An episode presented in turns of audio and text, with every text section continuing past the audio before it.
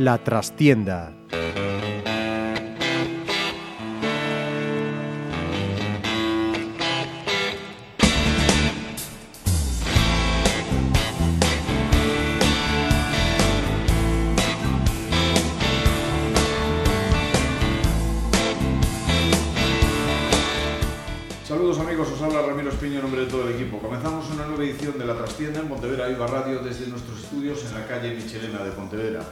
Hubo que esperar, pero valió la pena, con sufrimiento hasta el final, pero el Pontevedra conseguía el sábado asegurar la clasificación para disputar el playoff de ascenso a Segunda División.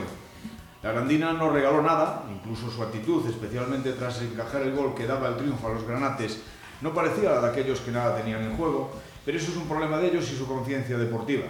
Pasarón explotó de alegría con el gol de Iker Alegre y más de 7.000 aficionados que supieron además empujar cuando más lo necesitaba al equipo y cuando las cosas precisamente no terminaban de salir. Puede que sea la fe de este equipo que ha convertido en habitual ganar en la famosa zona Cesarini. Pero lo cierto, algunos para los que sean del Madrid también pueden decir en la zona Sergio Ramos, pero bueno, eso lo dejo para otros, ¿no? Pero lo cierto es que este Pontevedra ha acostumbrado a los suyos a no dejar de creer nunca hasta el final, a hacer bueno el cántico de Pontevedra nunca se rinde, que resuena cada vez con más fuerza en las gradas. Ahora queda un partido de liga y esperar el resultado de un sorteo de playoff al que los de Luisito acuden pensando que todo es posible, sencillamente porque se han ganado el derecho a soñar y a hacernos soñar con ellos. Edu Sousa, capitán, muy buenas. Buenas tardes.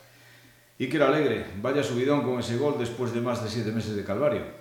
Pues sí, la verdad que un momento de, mucha alegría, ¿no? Porque, porque era un gol que significaba pues una cosa que llevábamos buscando desde, desde el principio de liga y, y bueno, también pues un poco recompensa al sufrimiento que, que he tenido durante este año y nada, pues ahora a disfrutarlo. Yo creo que muchos en Pasarón, cuando vimos que marcabas tú, nos dijimos, hombre, qué bien que marque el Pontevedra, pero especialmente qué bien que marque quien ha luchado tanto para llegar en condiciones de ayudar ahora en la recta final.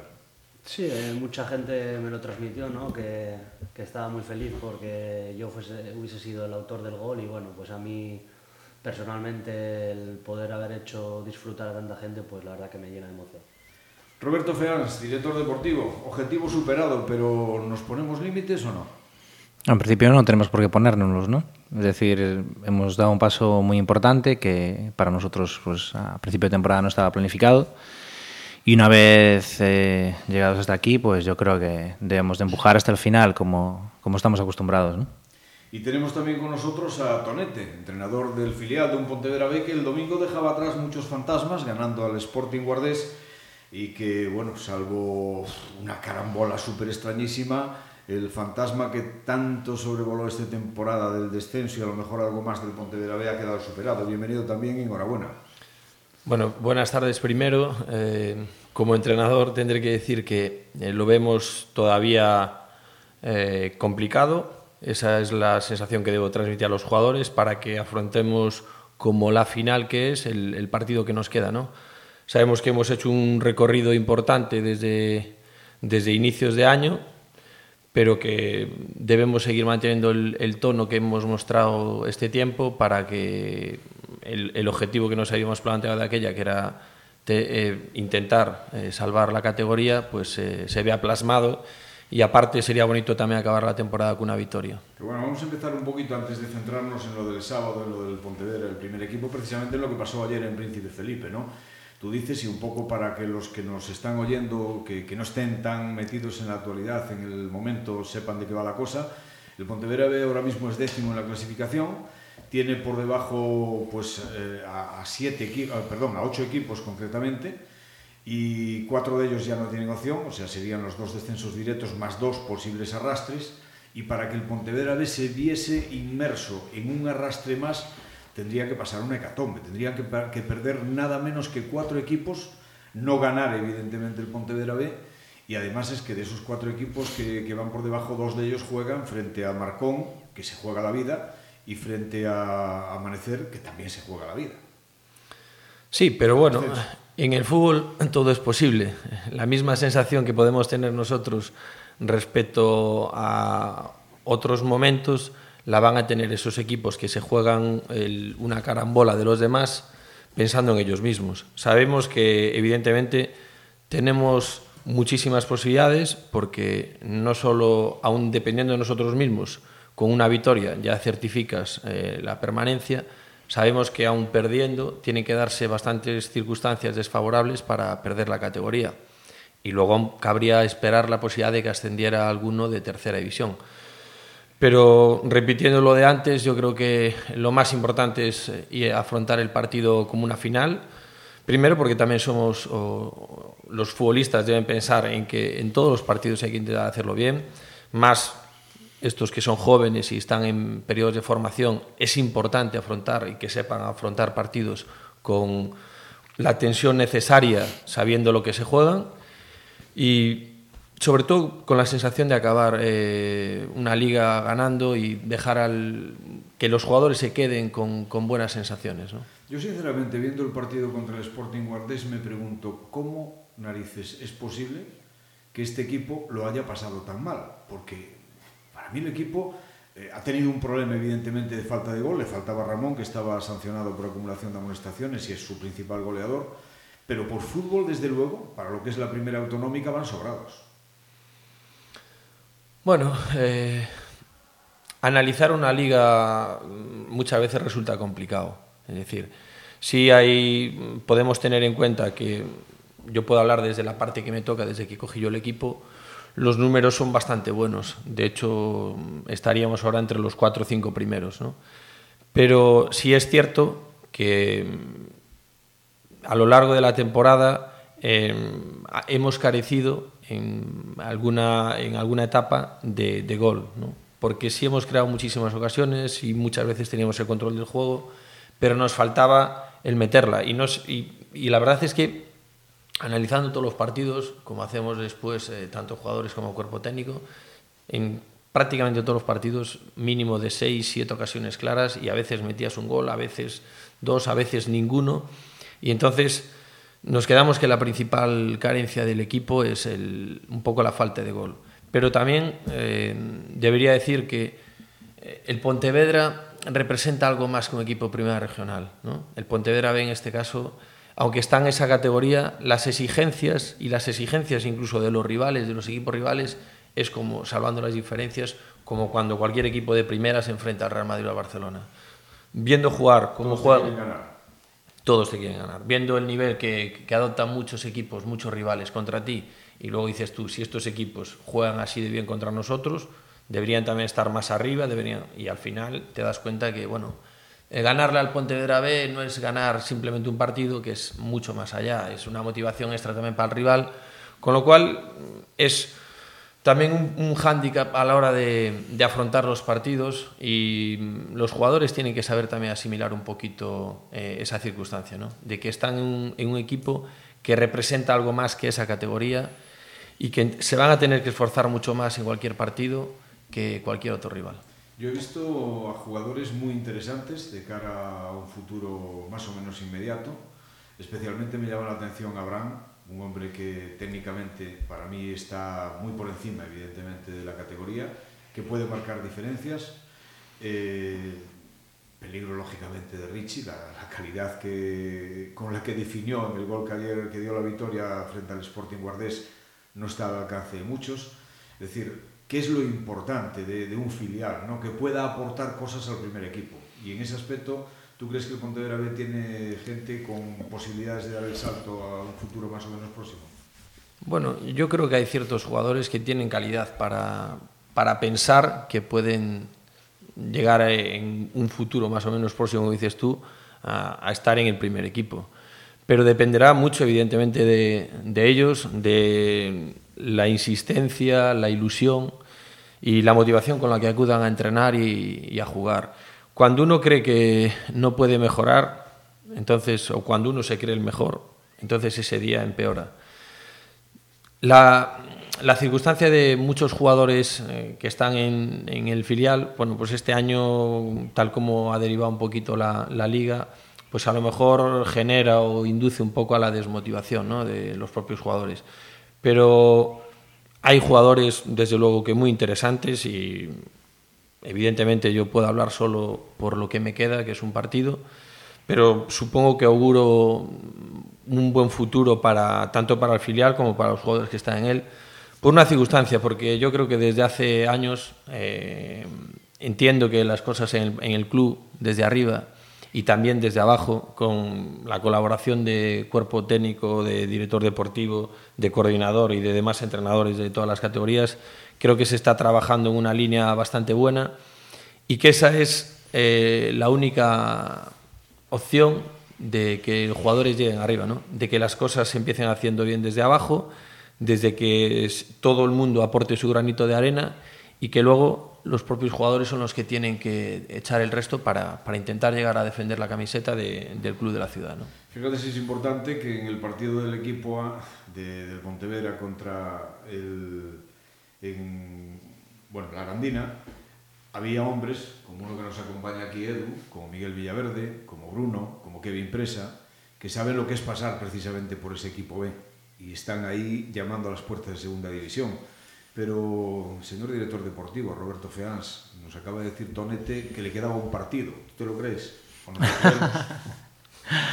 bueno, hombre, evidentemente Tonete llegó a, aunque es un, un entrenador de club, eh, que ya lleva años haciendo una gran labor, aunque con nosotros este es el segundo, segundo año, ¿no? Creo sí. segundo año.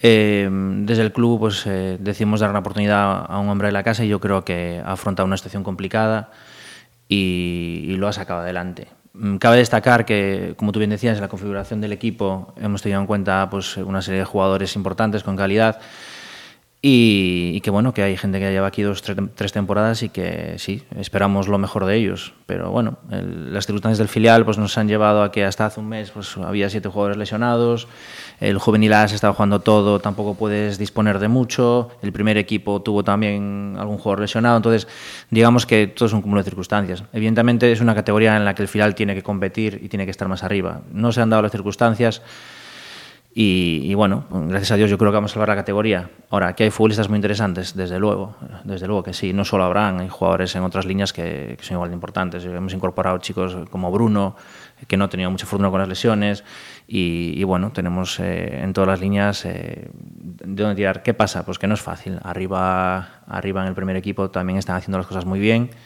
eh, realmente es muy complicado porque para, para, subir a un chico tienes que quitar a un jugador del primer equipo y yo creo que se están ganando a pulso estar ahí, no, no, están, no están bajando los brazos y, y, bueno, sí es cierto que, que, los chicos del filial los tenemos y para eso, sí es cierto que el espejo más grande que pueden tener, yo se lo digo siempre a los juveniles, los juegos del filial, son gente como, como Edu, como Bruno, incluso el propio Loureiro, que recuerdo que el año pasado terminó la temporada jugando en primera regional para echar una mano al filial, cuando era un chico que ya se le veía que tenía oportunidad de estar jugando. Este año pues ha jugado todos los partidos titular, excepto uno que está sancionado. Yo, yo lo confieso, yo esta, mismo, esta misma temporada, principio de temporada, le veía unas enormes carencias tácticas, mm. un portento físico, evidentemente, mm.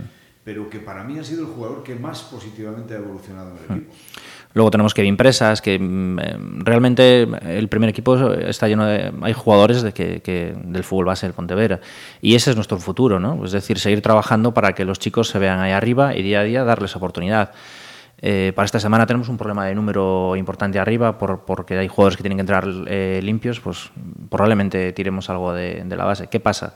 Acabo de escuchar a Tonete, todavía no está todo hecho. ¿Qué pasa? El juvenil tiene un partido importantísimo el sábado que a lo mejor aun ganando nos falta un punto. Entonces, eh, desde el club a mí me toca ver todas las circunstancias y tomar la decisión adecuada. Y muchas veces es muy complicado, muy complicado. Sin embargo, fíjate, yo me quedo con el discurso, por ejemplo, ayer, se aunque no tiene nada que ver con nosotros, se nos queda de lejos, ¿no?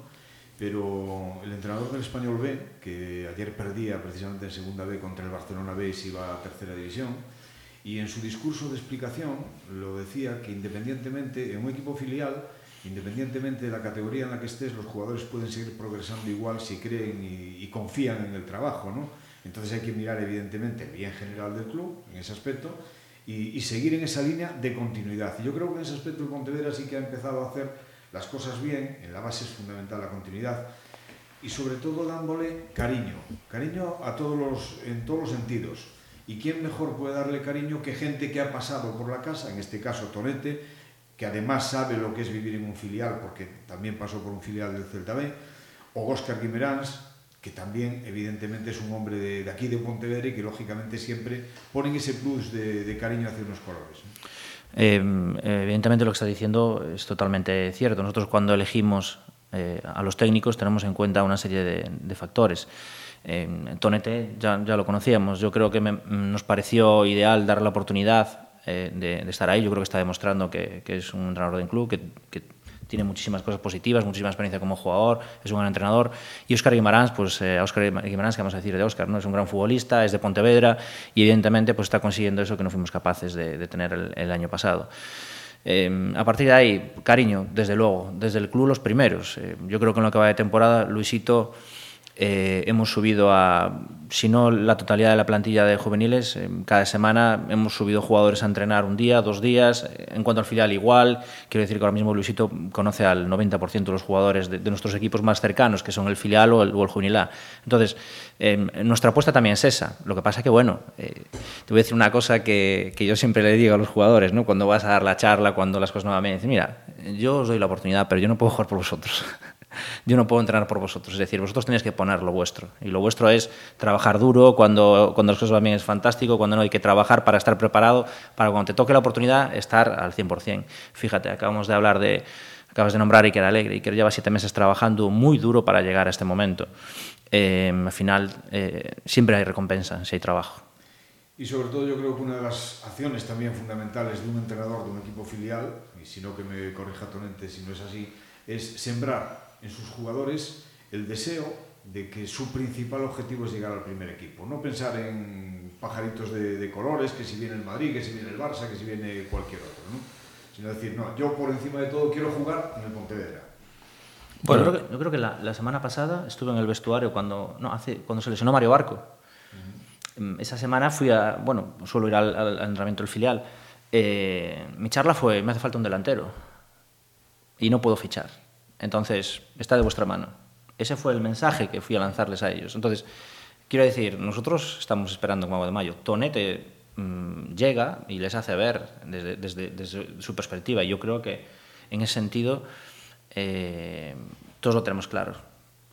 Bueno, eh, antes de, nada, eh, sí que podemos anticipar una cosa ya para los aficionados que quieran pues tengan oportunidad de, de hacerlo. Además, yo creo que merece la pena porque para el club es fundamental que los juveniles de Óscar Guimeráns que pueden lograr incluso la, el ascenso matemáticamente en caso de ganar y que no lo hagan los rivales van a tener un escenario espectacular, el mejor escenario posible dentro del club, lógicamente, para jugar su partido este próximo sábado. ¿no?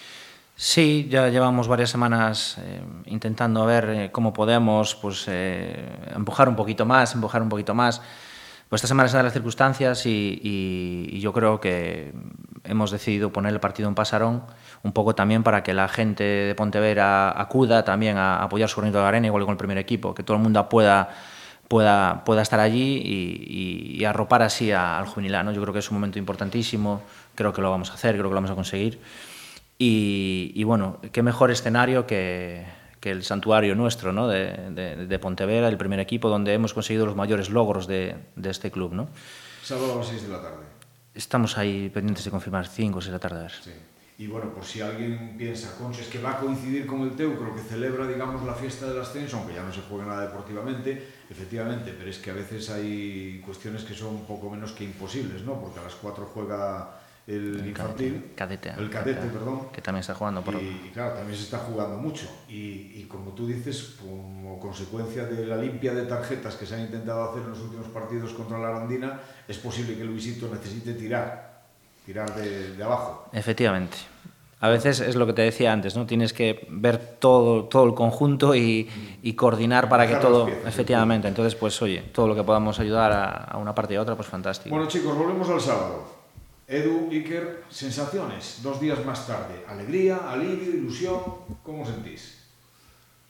Bueno, yo me siento muy feliz, muy feliz de haber conseguido la clasificación para el playoff, porque eh, a medida que avanzó la liga y que nos veíamos ahí, pues se convirtió en una, en una ilusión real al alcance y al final pues se, se, obtuvo. Entonces, cuando obtienes algo que, que al principio no están, entre comillas, en los planes, es, es un éxito y te, y te, da una felicidad que, que para mí es eh, inexplicable. Yo he visto una foto no recuerdo, lo siento si no lo hubiera dicho, no sé qué compañero fotógrafo es exactamente el que la sacó, aparte del nuestro de Pontevedra Viva, Diego Torrado, pero he visto una foto en, periódicos donde, que a mí me ha parecido preciosa, que es cuando Iker se marcha hacia la grada de preferencia. A mí me da la sensación de que no sabías ni hacia qué grada ibas, de, loco de contento que ibas, ¿no? Pero bueno, coincidió que fuiste a preferencia y se te echan encima una manada de críos a celebrar el gol contigo. Sí, no, eh, a ver, eh, el club pues lleva unos cuantos partidos invitando a los chicos de la base y bueno, sabía que allí se ponía mi hijo, entonces bueno, ya era una cosa que había... O sea, que sabías a dónde ibas. Sí. Y bueno, al principio pues nada, le di un beso, la abracé y, y vi que cada vez iba viniendo más gente y y veía su cara que de pasó de alegría un poco a, a susto. A susto y fui como diciendo, eh, tranquilos, apartad un poco. Al llegar a casa, papá, no me vuelvas a hacer esto. sí, sí, y nada, la verdad que muy contento por lo, por lo que significó y, y ahora pues nada, estar más tranquilos eh, después de, haber certificado esto que llevamos buscando durante, durante todo el año. Y bueno, espero que esto sirva para que el equipo se suelte un poco más, eh, pierda esa ansiedad que yo creo que hemos tenido durante este tramo final y volvemos un poco pues, a lo que ha sido el Pontevedra de la primera vuelta, que, que sobre todo pues, en casa sacamos los partidos con mucha más solvencia e intentar hacer sufrir menos a la gente. Tonete estuvo también en Pasarón como espectador, desde la grada sufre más o menos que desde el campo. Bueno, como espectador y como jugador se sufre siempre bastante menos que como entrenador, eso lo, lo tengo claro. Pero, pero sí, hubo unas cuantas ocasiones en las que, bueno, estábamos juntos, lo, lo del hijo que mencionó él, tenemos a, yo a un jugador de, del filial que precisamente estaba con, con, el hijo, que es Bruno, que estoy ahí estaba tirando los chicos para atrás porque estaba viendo que lo iban a aplastar contra la valla, ¿no? Pero Sí, estamos todo el conjunto de, de la base de, del Pontevedra, pues desde el filial hasta los más pequeñitos. Y se vivió el, el gol de, Iker, se vivió con, con, muchísima, muchísima alegría. Lo que lo estuvimos pasando mal fue en ver constantemente como en acciones que parecía que iba a llegar el segundo, que iba el segundo, que iba el segundo, y no llega, y no llega, y te desesperas un poco, y estás con los suyos, con tal y sientes un poco también, eh, te ves identificado el, el, haber sido jugador con esas situaciones donde parece que te invade la, la ansiedad y, y, no eres capaz de, de, meter un gol que parece que solo tienes que empujarlo, ¿no? pero al final, bueno, eh, supongo que eh, si el fútbol es, es, ilusión, si es eh, espectáculo, qué mejor que, que estas sensaciones de meter goles hacia el final del partido con victorias sufridas, ¿no? porque hasta yo creo que las, las victorias, se, la alegría es muchísimo mayor eh, en estas situaciones bueno, que cuando vas ganando 4-0, que acaba el partido y dices tú, ya acabo. Eh, no es, ya, no es lo mismo.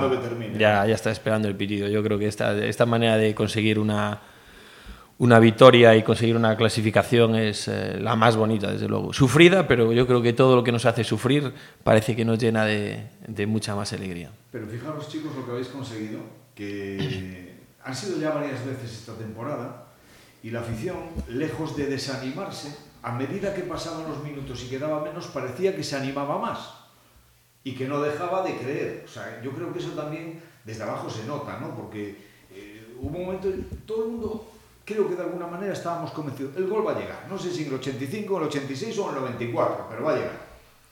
Sí, obviamente desde el campo se nota todo el empuje de, de la afición que, que, te da desde el principio y bueno, el otro día yo el recuerdo que tengo es que en ningún momento se deja de escuchar a, a la gente y en ningún momento dejas de sentir que están ahí detrás y lo cierto es que eh, puede sonar un poco oportunista ahora que ya pasó el día, pero yo también creía que que ese gol iba, iba a llegar y, y, de hecho yo le dije a Adrián antes de empezar que yo no veía la manera de, de no ganar. Entonces, bueno, se consiguió... te tiraron palo? Sí, sí. O quizá debido a eso. Dijiste, bueno, si no entra este ya no podemos hacer otra cosa. No, bueno, eso es, una, eso es algo puntual, pero bueno, yo seguía creyendo que sí, que íbamos a ganar. Pero sí que evidentemente es, increíble la fe de, la afición, la fe del equipo, evidentemente, porque la fe de la afición la ha alimentado el equipo, lógicamente, con resultados y remontadas absolutamente increíbles. Y la comunión, Iker, que habéis alcanzado con, con todos, porque es que acabó el partido y yo alguna foto he visto también de alguno de vosotros metidos, no es que el público saltase al campo, es que vosotros saltasteis a la grada al acabar el partido. Yo creo, como bien dijo Edu, yo creo que el papel pues, de la afición ha sido fundamental. Yo creo que el otro día, sobre todo a partir del minuto 80, que yo creo que hay un par de acciones, un par de corners, yo creo que a partir de ahí empezaron a animar más fuerte si cabe y el equipo empujó y yo creo que en ese tramo fue donde, donde verdaderamente se ganó el partido porque en la segunda parte yo creo que hicimos méritos para, para, perder. La primera fue de goleada y la segunda no fue. Y yo creo que bueno, ese momento fue clave, ¿no? Yo creo, no sé si fue una acción de Abel que tiró las, un córner y a raíz de ahí yo creo que empujaron, eh, nosotros sentimos ese apoyo y, y mira, pues al final tuvo su recompensa. Y fíjate que además a lo mejor en otras ocasiones pierdes un poco la fe, ¿no? Pero ¿cómo viene el segundo gol?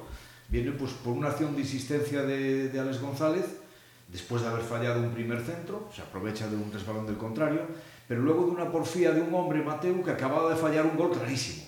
Una ocasión hecha, ¿no? Hasta que te da el balón a ti. Sí, eh, nosotros... Yo Luego tú pusiste la pausa y tiraste de experiencia. Nunca perdimos la fe, el equipo pues lo siguió intentando, sabíamos que, que nos jugábamos mucho y bueno, eh, el equipo quizá pecó de, de esa ansiedad de, de, intentar hacer gol de todas maneras y al final pues fue un premio al trabajo, como dices tú, de, de todo el equipo y, y, a la lucha.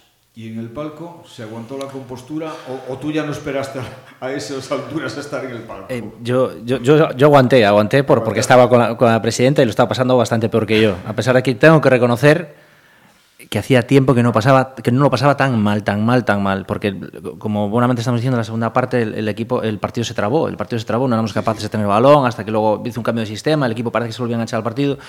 Entonces pues ya respiras pero es que van pasando los minutos y al final pues te pones a echar cuentas dices un punto eh, dos sabes entonces si al final el gol pues saltamos pues saltamos porque hay que, saltar. Pero bueno que, quiero decir algo y es que sí. eh, eh, yo creo que este logro no es un premio yo creo que es un éxito del equipo. Hemos sido el, el el cuarto mejor equipo de la categoría y yo creo que eso se lo debemos a, al equipo, que han dado el nivel a pesar de todas las limitaciones económicas que se hable. Hemos dejado por debajo a plantillas muy grandes, pero porque nuestros jugadores eh, eh, han demostrado que tienen nivel para, para, llegar ahí. Entonces yo creo que es un éxito rotundo, no, no un premio, porque el premio puede dar lugar a como, bueno, entramos sin que... No, no, vamos a ver, esto es el trabajo de toda una temporada de un equipo que ha estado desde el principio ahí y que al final lo hemos conseguido. Por lo tanto, tengo que decir que nos vamos a, al playoff con, con, toda la ilusión del mundo y, y, a por todas. Y no nos olvidemos de una cosa que a lo mejor pasa desapercibida, pero que por desgracia llevamos mucho tiempo sin paladear en Pontevedra, ¿no? que es que nos metemos en la Copa del Rey. Oye, pues si suena la flauta, pasas tres eliminatorias y a ver qué... Sí, siempre, nunca se valora, ¿no? Parece, el año que ascendimos jugamos la Copa del Rey y parece que nadie la valor, y yo creo que tiene mucho valor porque es una competición de, de prestigio. Es una competición de prestigio y, y, para el club es muy importante, yo creo que para todos debe de serlo. A pesar de que las primeras rondas siempre te tocan pues, partidos menos atractivos y que hay que desplazarse entre semana, mm, para el club es una, una, una opción muy buena porque lo acabamos de vivir. esas primeras eliminatorias es por sorteos y te tocan casa. Sí, sí, sí, por eso. Entonces, yo creo que, repito, este año ha sido, ahora mismo es un año exitoso, 100%, pero puede ser más, puede ser más. Hombre, Queremos más todos. Eso, por, hoy ya es lunes, hoy ya es lunes, ¿no? Hoy ya es lunes, ya pasó, ya estamos en... a ver, ahora, como el mismo Luisito decía al término de la rueda de prensa, no quería ni hablar de playoff ni, ni de coña, no, no, admitía casi ni preguntas de, de playoff, pero ahora ya ha dicho que, que, que ya está ascenso, ¿por qué no? O sea, ahora sí que es verdad que vamos sin ninguna presión, ¿no? La presión es para otros y, y a ver qué pasa. Sí, sí, yo... Eh, lo cierto es que después de de que pasase un poco el sábado y ayer un poco en frío en casa y tal, pues eh, ahora te preguntas por qué no puedes ir tú un equipo de esos. Si estás ahí es que tienes la opción a, a pelear por eso. Los pies en el suelo, siempre, siempre los pies en el suelo y sabiendo de dónde venimos. Eh, con eso hay que, hay que pelearlo. Yo no... Yo tengo la sensación esa, en mí, en mi cabeza está la sensación de Sí, eh, hemos conseguido clasificarnos para playoff, pero yo quiero un poco más. Mira que para mí Entonces, puede ser un año redondo, ¿eh? Pues sí, sí, lo sí. Deportivo y en lo personal. Sí, claro, sí, sí. Ojalá venga con un ascenso debajo del brazo. ¿Verdad? Madre mía. Sí, sí. Lo digo porque Edu será papá seguramente en agosto. Sí. O sea que, vamos, julio, junio ascenso, en julio descansamos un poco y preparamos todo y en agosto pues nada, a poner biberones. Vamos, sería, sería tremendo, la verdad que sería una guinda espectacular. Bueno, Iker sí que es un experto en esto de fase de ascenso, porque a Edu, ¿quién te iba a decir hace cinco años, cuando accediste al primer equipo, que en tan poco tiempo ibas a estar luchando por ir a, a Liga Profesional? No, pues evidentemente es algo difícil, pero que bueno, que si se puede conseguir en algún lado es aquí, porque aquí se trabaja, se pelea y se persiguen los objetivos eh, con mucha insistencia y mira, al final todo, todo llega con trabajo, todo llega y, y- y llegó. Y decía que Iker, que es un experto ya en fases de ascenso, pues eh, puede saber más o menos qué opciones podemos tener, ¿no? Bueno, los, las fases de ascenso... O cómo se afrontan, cómo las afronta un futbolista. Yo, esta sobre todo se me parece mucho a, a una que vi con el Zamora, ¿no? que quizás por nombres no éramos un equipo eh, Temible. temible, pero como equipo pues éramos un equipo duro y al final pues llegamos hasta la última fase, nos echó el Rayo Vallecano y se me, sí, se me parece mucho a, a ese año, porque luego ha habido años que por jugadores teníamos auténticos equipos y te quedas fuera la primera de cambio y son partidos pues totalmente diferentes en los que influyen muchas más cosas y bueno, nosotros en ese aspecto no tenemos quizá la presión de, que puedan tener otros equipos como Murcia o Alcoyano que están confeccionados para, para subir y yo creo que eso es un punto a favor nuestro. Bueno, eh, yo tengo que deciros una cosa, eh, mira que sois un poco cabroncetes. O sea, os vengáis de Luisito, de todo lo mal que os lo hace pasar en los entrenamientos, todo lo que queréis. Y lo digo porque este domingo Luisito fue invitado en el programa de la televisión de Galicia, en Show, en TVK2, y yo he visto unos cuantos de vosotros que le mandasteis unos tweets, pero de estos de aupa de aupa, ¿eh? Dejándole un poquito con, con las posaderas al aire. A ver, es un síntoma del buen rollete que hay, ¿no? Sí, sí, eso no, eso no cabe la menor duda, que el, el ambiente y, y lo que se respira en el vestuario es, es, es genial, es una calidad humana que está por encima de- del resto y lo cierto que ahí no hay ninguna queja. Mm, La verdad que yo solo me di cuenta de un tuit que sacaron ayer de Mario, pero luego, claro, el resto no, no sé muy bien. Al- alguno más, alguno más hubo por ahí. Alguno más hubo por ahí. Sobre todo alguno que decía ese de que nunca, que, no, que se quede las apuestas, que a ver cuándo las pague, etcétera, etcétera. Esas cosas que jugáis al final de los entrenamientos en los que él nunca pierde las tandas de penalti, ¿no? No, no, él siempre... Porque se sigue tirando hasta que él decide, hasta que él gana. Sí, él si, si mete el último, pues ya, ya Se se, acabó. ac- se acabó. Ahí se acabó la, Entonces ya está. la, la jugada. Bueno, eh, vamos a ver, posibles rivales. Obviamente tiene que ser un segundo de grupo, al ser cuartos. Eh, tres de ellos están, perdón, dos de ellos están ya decididos. El de nuestro grupo no puede serlo, evidentemente. En el grupo segundo el Toledo, que ha sumado 65 puntos. Quizá el más asequible por su irregularidad y porque tampoco ha mostrado una- un gran poderío goleador, ¿no? Eso siempre hablando con todos los respetos deportivos y, y todas las opciones. Eh, me da la impresión de que Roberto no está demasiado de acuerdo y no le gustaría el Toledo. Bueno, No, vamos a ver, yo tengo que decir, eh, puestos a, a- a ver los equipos que yo llevo semanas siguiéndolo y tal, el Toledo tiene muy buena plantilla. ¿Qué pasa? Es cierto que... no digo que no, pero es que no ha mantenido una línea Bueno, de no sé cómo te suena Lolo Pla. ¿Te suena Lolo Pla? Vale, pues está en el Toledo. Eh, la verdad es que sí es cierto que todas las plantillas tienen un potencial bueno, pero no menos que la Ponferradina, el Santander y clubes a los que ya nos hemos enfrentado. Por lo tanto, eh, yo lo hablaba con Luisito ayer y entre decir, mira, son clubes de segunda igual que nosotros, eh, estamos capacitados para ir a luchar con- contra ellos. Si tuviese que elegir, a lo mejor por el desplazamiento seguramente elegiría Toledo, ¿no? que está, está más, Sí, más puede- fácil por, puede por tal. facilitar que Ahora, pf, Al-. Alcoyano, eh, Cartagena, que está Cartagena, que están ahí todavía... pf, Sí, porque los otros... Hay mucha igualdad, sí, Sería sí, el sí. Alcoyano, que tiene 67 puntos, quizá el más peligroso a domicilio que en su mismo estadio, porque ha marcado en 30 de los 37 partidos de liga disputados. Y al que ni siquiera el Barcelona B le ha podido toser, porque le ha ganado al Barcelona B un partido y le ha empatado el otro. O sea que tiene una plantilla muy completa. tiene, Tiene, una plantilla muy completa de jugadores Y luego, segunda en el y grupo cuarto es donde no está decidido. En principio, el vilanovense Hmm. es el que parte con ventaja, tiene 66 puntos por 64 de Murcia y de Cartagena. Por la racha de partidos que lleva sin perder el Real Murcia, además de por solera, por estadio, por afición y por todo. Pero en principio podría ser el villanovense. ¿Qué os parece? ¿Os apetece alguno de estos? O mejor, si nos diesen el eliminatorio por ganada, pues ya. Yo como dices, tú por ejemplo acabas de decir que el Toledo, eh, pues que no, me- no metía muchos goles, pero es que tampoco los encaja. Ya, ya.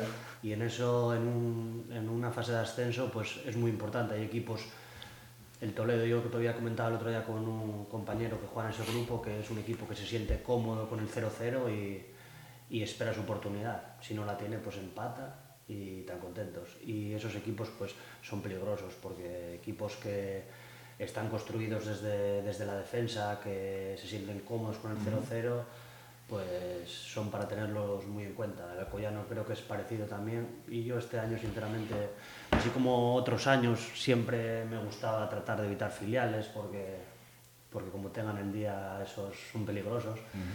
Eh, este año no tengo tampoco ninguna preferencia y que toque el que tenga, el que, tenga que tocar. Bueno, que se preocupen ellos por el Pontevedra, ¿no? Sí, se- seguramente en tertulias que haya en esas ciudades, al que todos prefieran es el Pontevedra. sí, Y a veces, sí, sí, seguro. Y a veces eso, pues, puede ser contraproducente. Pero bueno, yo voy un poco a lo que iba ahí, que era antes, que, que la- el playoff es otra historia. Entonces, sí es cierto que ahora nos vamos a las plantillas y son plantillones todos. Pero cuando empieza el playoff, pues son, hay muchas circunstancias que, que el papel en el que se ponen los nombres no, no lo controla. Entonces, Es que, por ejemplo, es decir, en todos esos grupos hay equipos eh, pues, clásicos de, de- de segunda incluso. En nuestro grupo tenemos el ejemplo de la Ponferradina, del Ferrol, clubes que también tienen pues, probablemente el mismo potencial que estos equipos que nos van, que nos van a tocar. Entonces, yo creo que es una, una lotería. Nos tocará el que nos tenga que tocar y en un partido de doble vuelta puede pasar cualquier cosa. Cualquier que cosa. sí es seguro es que el primer partido Es en caso. se pasaron. Sí, hay que llenarlo.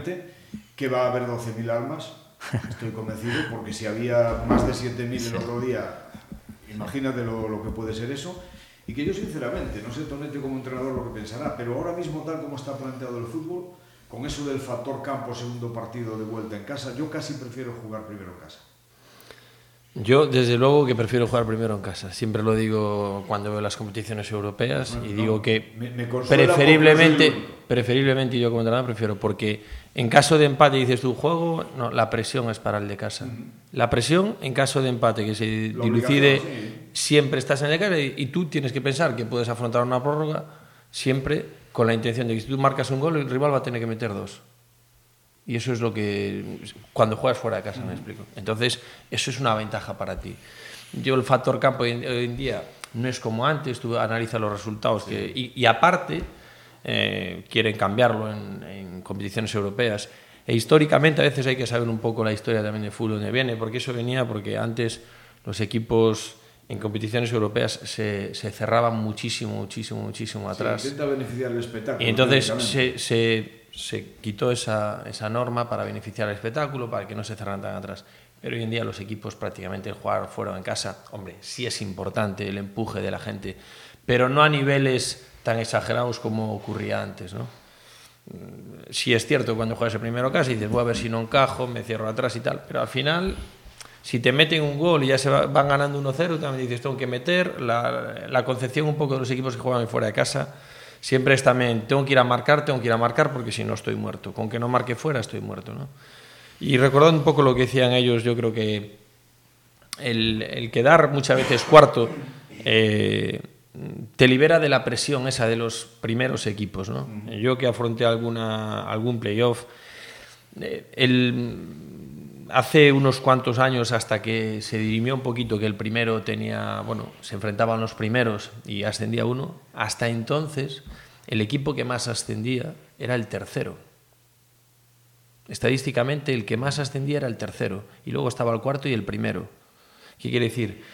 Que la forma de afrontar muchas veces un playoff, cuando uno ya gana la liga y tal, y dicen, bueno, hoy en día el primero evidentemente tiene ventaja, Pero está claro que los que quedan un poquito más hacia arriba, son y tercero, siempre son equipos que en cierta manera tienen más presión. Y tú como hay que quitar un poco, no es que te hayan regalado nada, te lo has ganado y muy a pulso el quedar cuarto. Pero en cierta manera es como, si suena la flauta y asciendo, genial. Y si no, pues enhorabuena y, y felicitaciones para todos por el gran trabajo que se ha hecho, ¿no? evidentemente. Y ese, esa ansiedad que pueda tener los rivales que se enfrenten a un cuarto siempre está un poquito en detrimento de ellos. Bueno chicos, pues nada, de momento eh, un poquito de descanso. Luisito en ese aspecto se ha dado dos días libres, ¿no? O bueno, tres, hasta el miércoles. Pero luego una semana de oxigenación, me imagino, hay que jugar contra el caudal, hay que tomarlo con seriedad, evidentemente, porque además se le puede hacer un favor a un vecino, como el Boiro, al fútbol gallego. Y luego esperar el lunes, supongo que será el sorteo en torno a cuatro y media, cinco, casi siempre lo suele hacer la, la federación en esas horas, y, y, a ver qué nos viene. Pero lo que decimos, lo que dice, lo que se canta en Pasarón, lo que vosotros mismos habéis oído en, la, en el vestuario y seguramente habéis dicho más de una vez, Pontevedra nunca se rinde, o sea que a por todos. Muchísimas gracias y a ver si celebramos dentro de, serían seis semanas todavía, nos quedaría. Aún estamos aquí. Algo hasta muy grande. Todo el veranito aquí. Muchísimas gracias por acompañarnos y enhorabuena, por supuesto, por lo conseguido ya. Y especialmente enhorabuena también al club porque tú decías pueden venir cosas muy grandes. No me refiero solo al primer equipo, sino una temporada que amenazaba con ser una catástrofe para la base, porque hubo momentos en que el juvenil no iba especialmente bien y se había descolgado del ascenso. Al final puede terminar con una permanencia yo creo que, bueno, pues ilusionante para el Pontevedra B, ilusionante me refiero de cara a hacer equipo para el año que viene y con ascensos de cadete y de juveniles. De los dos juveniles, porque nuestro juvenil sí. B va primero, o sea, ahora mismo sería campeón de liga, si asciende el juvenil A, asciende el juvenil B, ascenderíamos a División sí. de Honor y a Liga Nacional, y la permanencia del cadete. Pues yo creo que... que así sea. Y a todos los que nos escucháis os dejamos con nuestra habitual despedida musical. Aunque con el Pontevedra lo verdaderamente emocionante empieza ahora, este temazo se titula La emoción se ha ido. The thrill is gone. Bueno, pues nada más y nada menos que tocado por el rey del blues, B.B. King, acompañado de Manuel Enter Clapton, Robert Cray y Jimmy Vaughan, entre otros. Como siempre, que lo disfrutéis. Será hasta la próxima semana. Intentaremos que además, y si podemos, también mejor. Muchas gracias, os esperamos.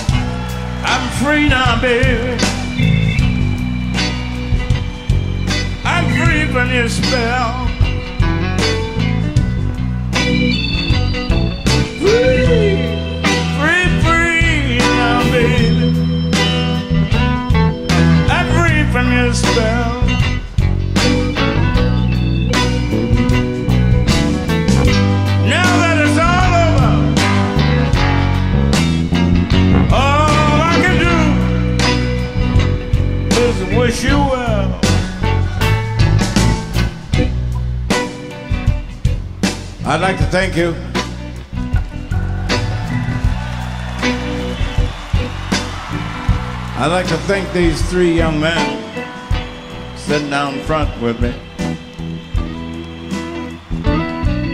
They treat me so good, I begin to feel special. I said, they treat me so well, I feel special. Thank you. Thank you.